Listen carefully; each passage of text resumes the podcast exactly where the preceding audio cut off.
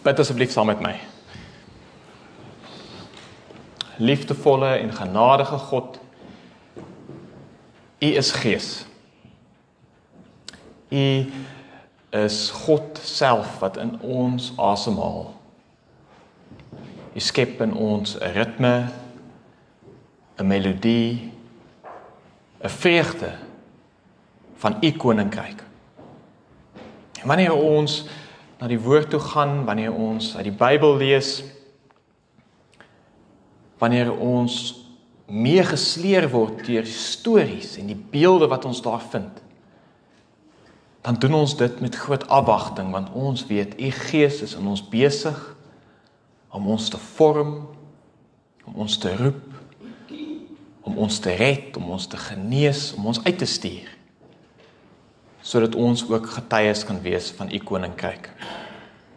Doen dit ook vandag vanoggend met ons. Amen. Ons lees vanoggend uit die Evangelie volgens Johannes. Johannes 4 van vers 1 tot 42. Dis nogals lank. Want hierdie storie wat ons vanoggend gaan lees, Jesus is ons baie keer in gesprek met mense. Nee, groot dele van die evangelies hoor ons hoe Jesus iemand ontmoet en dan praat hulle met mekaar en dan gaan hulle in gesprek met mekaar. Van al daardie gesprekke is hierdie gesprek die langste. Jesus praat langer. Hy spandeer meer tyd met hierdie persoon wat ons vanoggend van gaan lees as met enige van sy disippels. OK, hy het meer gereeld met sy disippels gepraat, maar hy het nooit so lank met hulle gepraat nie. As enige van sy vyande, as enige van sy ander vriende met hierdie persoon praat hy die langste. Dit is 'n pragtige storie. Kom ek lees dit vir ons. Toe Jesus verneem dat die Fariseërs gehoor het hy werf en doop meer disippels as Johannes, hoewel Jesus self nie gedoop het nie, maar sy disippels, het hy Judea verlaat en weer na Galilea vertrek. Hy moes egter deur Samaria gaan. Hy kom toe by 'n dorp in Samaria met die naam Sigar, naby die stuk grond wat Jakob aan sy seun Josef gegee het. Dit is waar die fontein van Jakob was. Uitgeput van die reis, het Jesus net daar by die fontein gaan sit. Dit was ongeveer die 6de uur en in die Bybelse terme in ons terme sal dit wees 12 uur in die middag. Mens kan verstaan hoekom hy so dors was. Dis 'n droë plek daai. Dis die middel van die dag. Daar kom toe 'n vrou uit Samaria om water te skep. En Jesus sê vir haar: "Gee vir my water om te drink."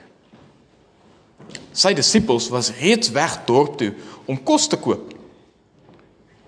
Die Samaritaanse vrou sê toe vir hom: "Hoe is dit moontlik dat u wat 'n Jood is, vir my, 'n Samaritaanse vrou, water vra om te drink?"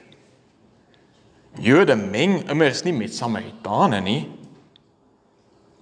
Jesus het haar geantwoord: As jy van die gawe van God geweet het en wie dit is wat vir jou vra, gee vir my water om te drink, sou jy hom gevra het en hy sou vir jou lewende water gegee het. Die vrou sê vir hom: "Meneer, u het nie eers 'n skepting nie. En die put is diep. Waarvandaan kry u dan die lewende water? U is tog nie belangriker as ons vader Jakob nie. Hy wat die put aan ons gegee het en self daaruit gedrink het en ook sy seuns en sy vee.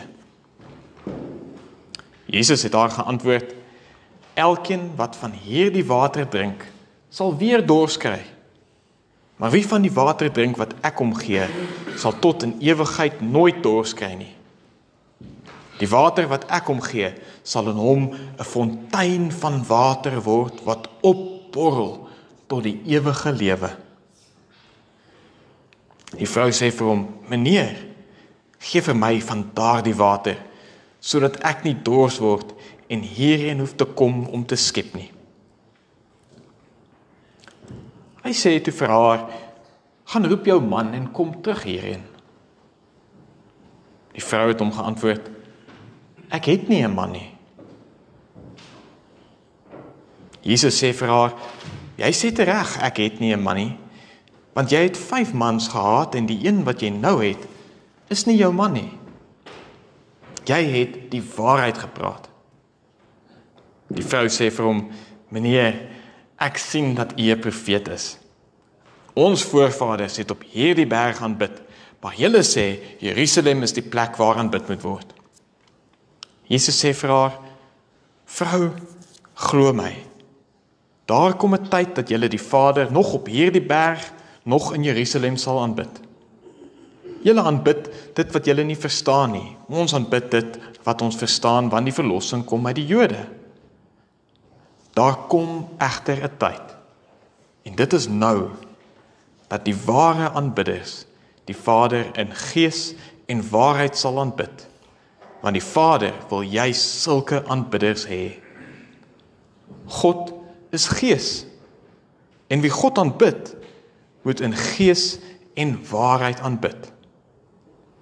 Die vrou sê vir hom: Ek weet die Messias kom want wat Christus genoem word. Wanneer hy kom, sal hy alles aan ons bekend maak. En toe sê Jesus vir haar: Ek is ek is die een wat met jou praat.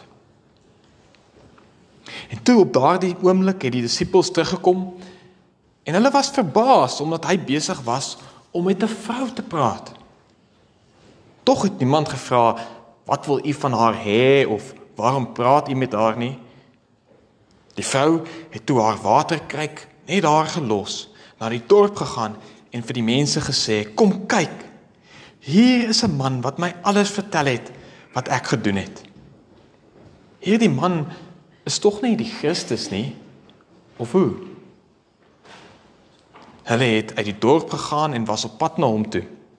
Intussen het sy disippels by hom aangedring en gesê: "Rabbi, eet iets." Maar hy het vir hulle gesê: "Ek het voedsel om te eet waarvan julle nie weet nie." Die disippels vra toe onder mekaar: "Iemand het tog nie vir hom iets te eet gegee nie?" En Jesus sê vir hulle: "My voedsel is om die wil te doen van hom wat my gestuur het en om sy werk te voltooi." Sê julle dan nie dit is nog 4 maande dan kom die oes nie? Waarlik, ek sê vir julle, kyk op en aanskou die lande, hulle staan reeds wit vir die oes. Hy wat oes ontvang sy loon en samel die oes in vir die ewige lewe, sodat die een wat saai en die een wat oes saam bly kan wees want in hierdie opsig is die gesegde waar die een saai en die ander maai. Ek het julle gestuur om 'n oes in te samel waarvoor julle nie gesoeg het nie. Ander het gesoeg en julle het voordeel getrek uit hulle harde arbeid. Nou baie van die samaritane uit daardie dorp het in hom geglo op grond van die woord van die vrou wat getuig het. Hy het my alles vertel wat ek gedoen het En toe die Samaritane by hom kom, het hulle by hom aangedring om by hulle te bly en hy het 2 dae daar gebly. En nog baie meer van hulle het op grond van sy woorde tot geloof gekom en vir die vrou gesê ons glo nie meer op grond van wat jy gesê het nie, want ons het homself gehoor en ons weet dat hy waarlik die verlosser van die wêreld is.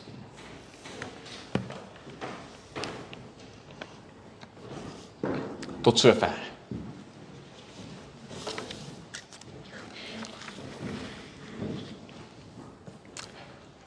Nou hierdie lang storie, hierdie lang gesprek. En hierdie gesprek vat klomp verskillende afdraaipaaie, soos julle kon hoor. Ek dink hierdie storie wil vir ons iets sê van hoe Jesus as die Messias, as die Christus in ons lewens opdaag. Hoe Jesus as die Messias na ons toe kom En ek wil ek gaan drie hoofpunte uitlig. Die eerste is dat Jesus breek die reëls. Die tweede Jesus lei. Hy kom daaraan. Hy begin met sy kwesbaarheid. En die derde Jesus kom en hy kyk en hy luister, hy sien raak met deernis met empatie met liefde.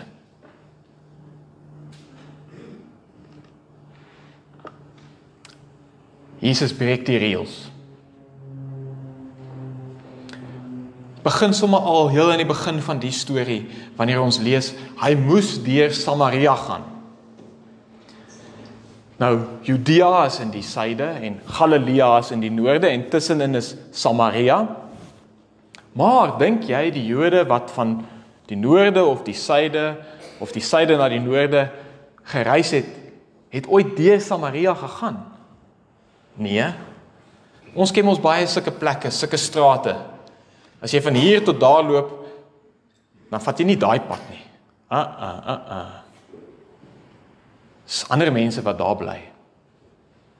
Dis gevaarlik om daar te gaan. En Samaria was so 'n plek. Die Jode en die Samaritane het glad nie ooghare vir mekaar gehad nie. En hulle was bang vir mekaar. En die Jode het 'n ander roete gehad deur Jerigo wat hulle altyd gestap het. So as Jesus sê hy moes deur Samaria gaan, was dit nie as gevolg van geografie nie, maar teologie. Iets anders het hom gedring om deur Samaria te gaan. En dan daar in Samaria by daai put, voer hy 'n gesprek aan met iemand wat hy eintlik nie meer 'n gesprek mag gevoer het nie. Die vrou in Samaria was 'n driedubbele randfiguur. Eerste plek Jesus was 'n Jood en sy was 'n Samaritaan. En hulle het anders aanbid, hulle het anders gedink, hulle het anders gelyk. Hulle het anders geglo. En ons hoor iets daarvan in haar reaksie. Hoe is dit dat jy wat 'n Jood is, vir my wat 'n Samaritaan is, vra vir iets om te drink? Julle meng mos nie eintlik met ons nie.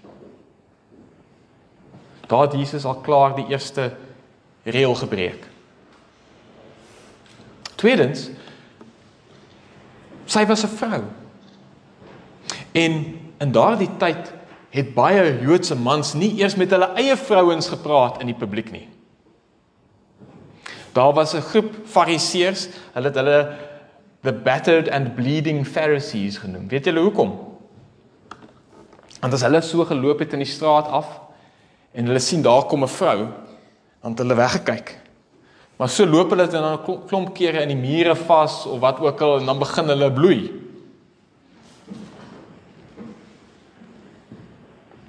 Maar Jesus steur hom nie daaraan nie. Hy begin met haar praat.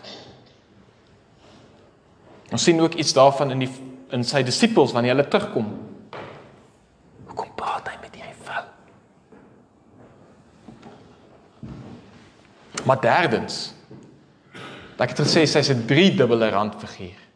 Nou, wanneer sou vrouens gewoonlik put toe gegaan het om water te gaan skep?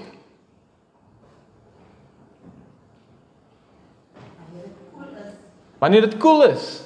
Wie gaan 12 uur in die middag? Wie? Wie kies om nie in die oggend wanneer al die ander vrouens gaan om water te skep. En wat gebeur dan daar by die put? Hulle gesels. Auntie Pam vertel vir my toe die kinders nou sy het ook saam met my kom kamp die naweek. En sy was in 'n groep met 'n klomp meisies, maar die meisies wat nou in haar kamer moes slaap het gesê nee, hulle wil hulle in eie kamer slaap. Toe vra Auntie Pam vir hulle maar hoekom? Toe sê hulle nee, want hulle wil girl talk doen. Maar hulle het uiteindelik baie lekker met jou girl talk gedoen, hè. Nou By die put was die sosiale plek. Dis waar die mense met mekaar gesels het, verhoudings gebou het, mekaar ondersteun het. Of in die oggend of in die aand, wanneer dit koel cool is. Hoekom gaan die vrou in die middel van die dag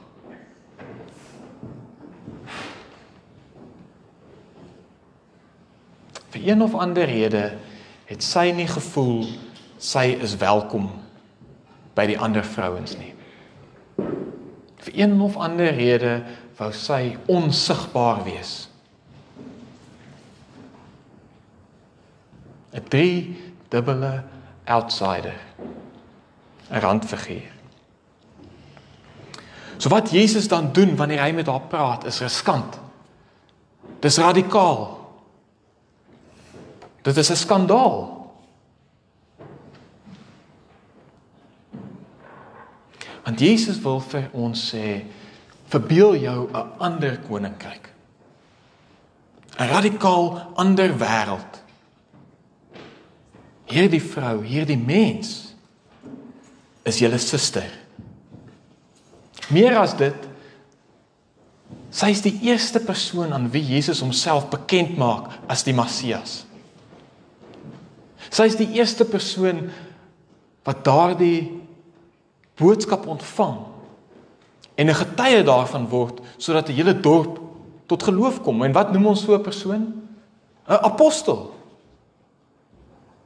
In hierdie storie is sy die eerste apostel, 'n suster van sy disippels. Maar wanneer hulle terugkom met sy hulle vis en chips,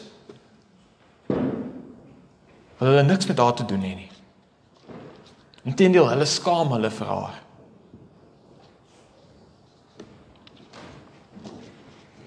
Nou, hoe kan ons iets van die skandaal van die evangelie ook deel maak van ons lewens?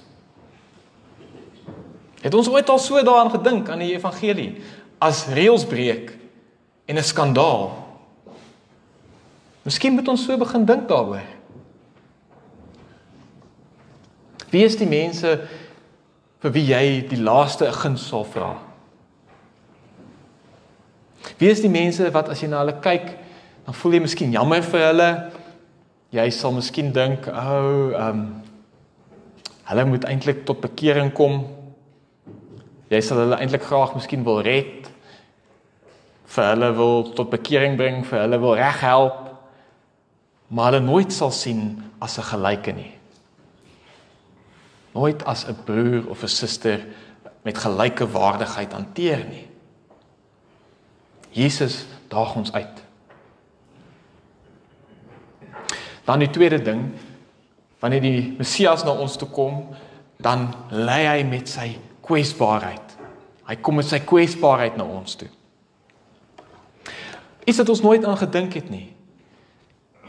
Of wat ek nooit aan gedink het nie.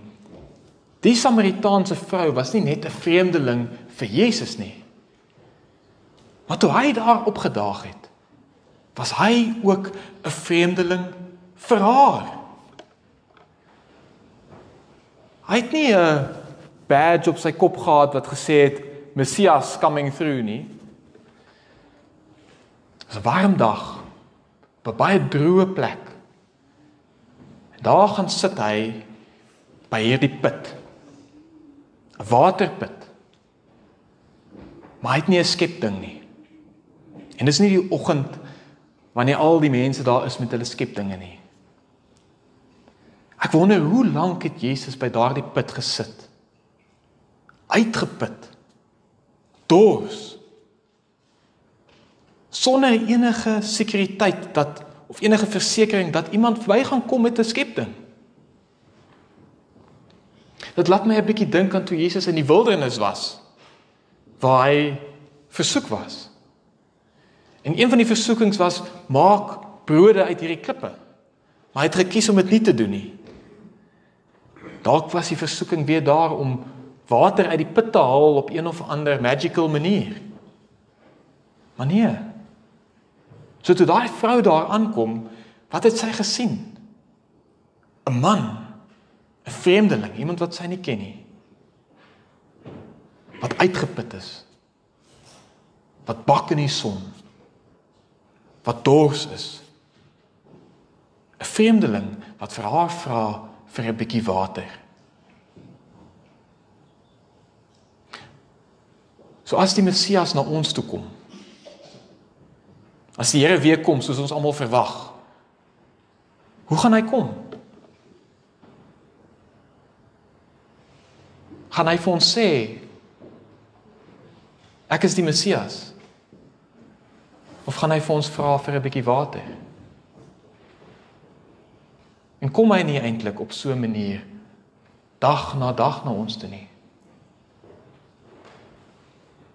'n Vreemdeling dors uitgeput wat vra vir 'n bietjie water.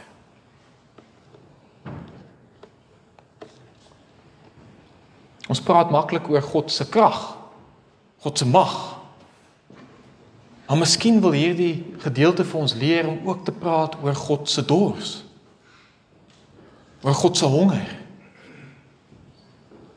Oor God se swakheid, oor God se kwesbaarheid. Oor God se pyn.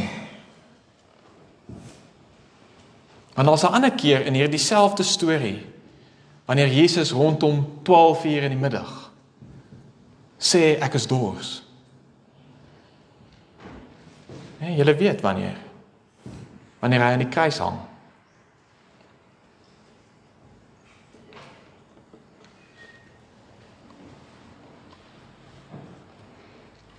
En ons as ons opdaag as getuies van hierdie Jesus, moet ons nie miskien ook begin met ons kwesbaarheid nie. Met ons behoeftes. Met ons medemenslikheid. Maar baie keer as Christene opdaag, dan kyk hulle neer op die ander. Ek het die antwoord en ek gaan nou vir jou die antwoord leer. Ek het die antwoord en jy is die ketter, jy is die een wat nog tot bekering moet kom. Maar iets van die manier waarop Jesus na hierdie vrou toe gekom het, het oopgebreek. Sy het opgedaag met haar kyk, maar sy het weggeloop daar as 'n fontein van lewende water wat binne in haar opborrel. En dan derde manier waarop Jesus na ons toe kom. Hy kyk, hy sien ons raak. Hy luister met deernis, met empatie. 'n Draaipunt in die storie is wanneer Jesus vir die vrou sê ehm um, Ek het net gou weer kyk, dit is vers 17 tot 18. Jy sê reg, 'n man het ek nie, want jy het 5 mans gehad en die een wat jy nou het, is nie jou man nie. Jy het die waarheid gepraat. Nou ek het altyd gedink dat dit beteken hierdie vrou was 'n losvrou. Dat sy 'n losbandige lewe gelei het. As 'n mens mooi lees, dan sê dit nie dit in die Bybel nie. Dit sê dit nie daar nie. Daar is eintlik baie redes hoekom hierdie vrou mag gewees het in die situasie waarin sy haarself bevind het. Kom ek noem 'n paar. Een is dat sy miskien as 'n tiener, 'n jong meisie gegee is aan 'n man om met hom te trou en miskien het die een na die ander gesterf. En in daardie dae was daar 'n wet dat as jou man sterf en jy het nog nie 'n kind nie, moet jou daai man se broer met jou trou. En die volgende se broer en die volgende se broer. So miskien was sy 'n vrou wat 5 kere weduwee was. En nou moes sy by iemand bly wat nie haar man is nie, want dis die enigste plek waar sy 'n veilige hawe het. Of ons weet ook in daardie dae net vrouens, net mans kon van vrouens skei. Dalk is sy 5 keer geskei. Miskien omdat sy nie 'n kind kon kry nie. Miskien was sy mishandel. Die Bybel sê nie vir ons hoekom sy daar in daardie situasie was nie, maar ons is geneig wanneer ons oor vreemdelinge dink. As met 'n vreemdeling weet jy mos altyd net 'n bietjie. Nou die storie gee net vir ons 'n bietjie. Maar dan vul ons mos die details in. En wanneer ons oor onsself dink, dan dink ons maar ek is 'n komplekse mens. My lewe is complicated. Daar's nuance in my eie storie. Maar wanneer ons 'n vreemdeling se storie wil inkleer, dan doen ons nie daai selfde moeite nie. Ons spring sommer na die eerste conclusion toe. Ons maak sommer vinnig afleidings en sommer een ons maak dit sommer 'n een eenvoudige storie.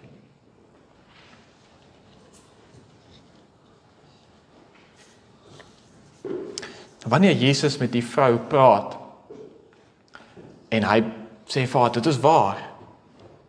Jy het 5 hy nooi haar eintlik uit om haar waarheid na hom toe te bring. En baie vinnig, dis amper asof dit 'n bietjie te vinnig was, te te intiem. Dan verander sy die topik. En waaroor begin sy praat oor godsdiens? Moet ons op hierdie bid berg gaan bid of in Jerusalem? Nou is dit nie ironies nie, nê? Dat godsdiens is baie keer die manier wat ons afstand hou tussen ons en die Messias. Jesus kom nader. Hy sê vir my kind, ek wil jou ken. Vertel vir my jou storie. En dan tree hy terug, praat sy met hom oor godsdiens, oor dogma. Dan kom Jesus nog 'n bietjie nader en sê hy, jy wil nie vir my jouself wys nie, maar kom ek wys vir jou myself. Ek is die Messias. Ek is die een wat vir jou lewende water wil gee. En uiteindelik in sy teenwoordigheid ervaar sy iets wat sy in al daai jare nooit by die vrouens in die dorp ervaar het nie. Iemand wat haar volle storie hoor met deernis, met empatie, met liefde. Iemand wat haar raak sien, maar nie shame nie. En dit verander haar hele lewe. Sy los haar kruik net daar. En soos ek nou-nou gesê het, sy word 'n fontein van lewende water. En sy hardloop na die dorp toe. Die mense wat sy altyd vermy. Sy is nie meer bang vir hulle nie. Die deel van haar storie word eintlik haar getuienis om te sê kom nader, kom en kyk. Die man het haar so aangeraak dat sy nie sê hy is die Messias nie, Sy vra Miskien is hy die Messias. Iemand wat met soveel deernis en liefde met my omgaan. Kan miskien net die Messias wees. En dis hierdie uitnodiging wat uiteindelik die hele dorp tot bekering bring. En hulle kom en hulle ontmoet vir Jesus self en so word daai hele dorp 'n fontein van lewende water.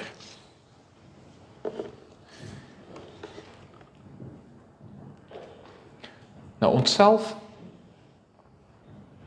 kan ons ook met hierdie deernisvolle, liefdevolle oë eerder as oë van oordeel na onsself kyk. Na ons eie storie. Die waarheid praat oor onsself met God. Dit na die lig toe bring en kan ons ook hierdie tipe empatie en deernis en liefde aan ander skenk en vir hulle 'n sagte plek word waar hulle kan land met die stories wat miskien vir hulle te swaar geraak het om te dra.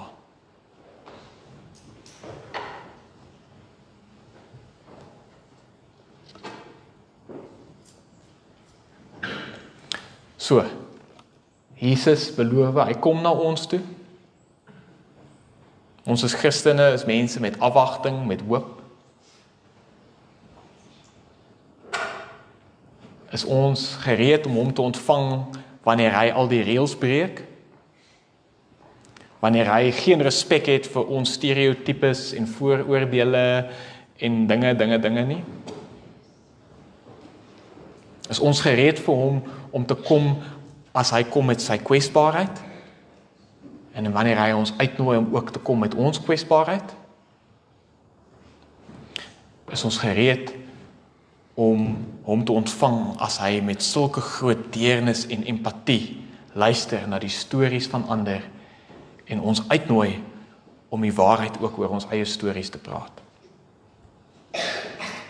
Mag iets hiervan kom ek sê dit so, as iets hiervan waar en goed en mooi is, mag God dit in ons harte plant en mag die Gees dit water gee sodat dit kan groei.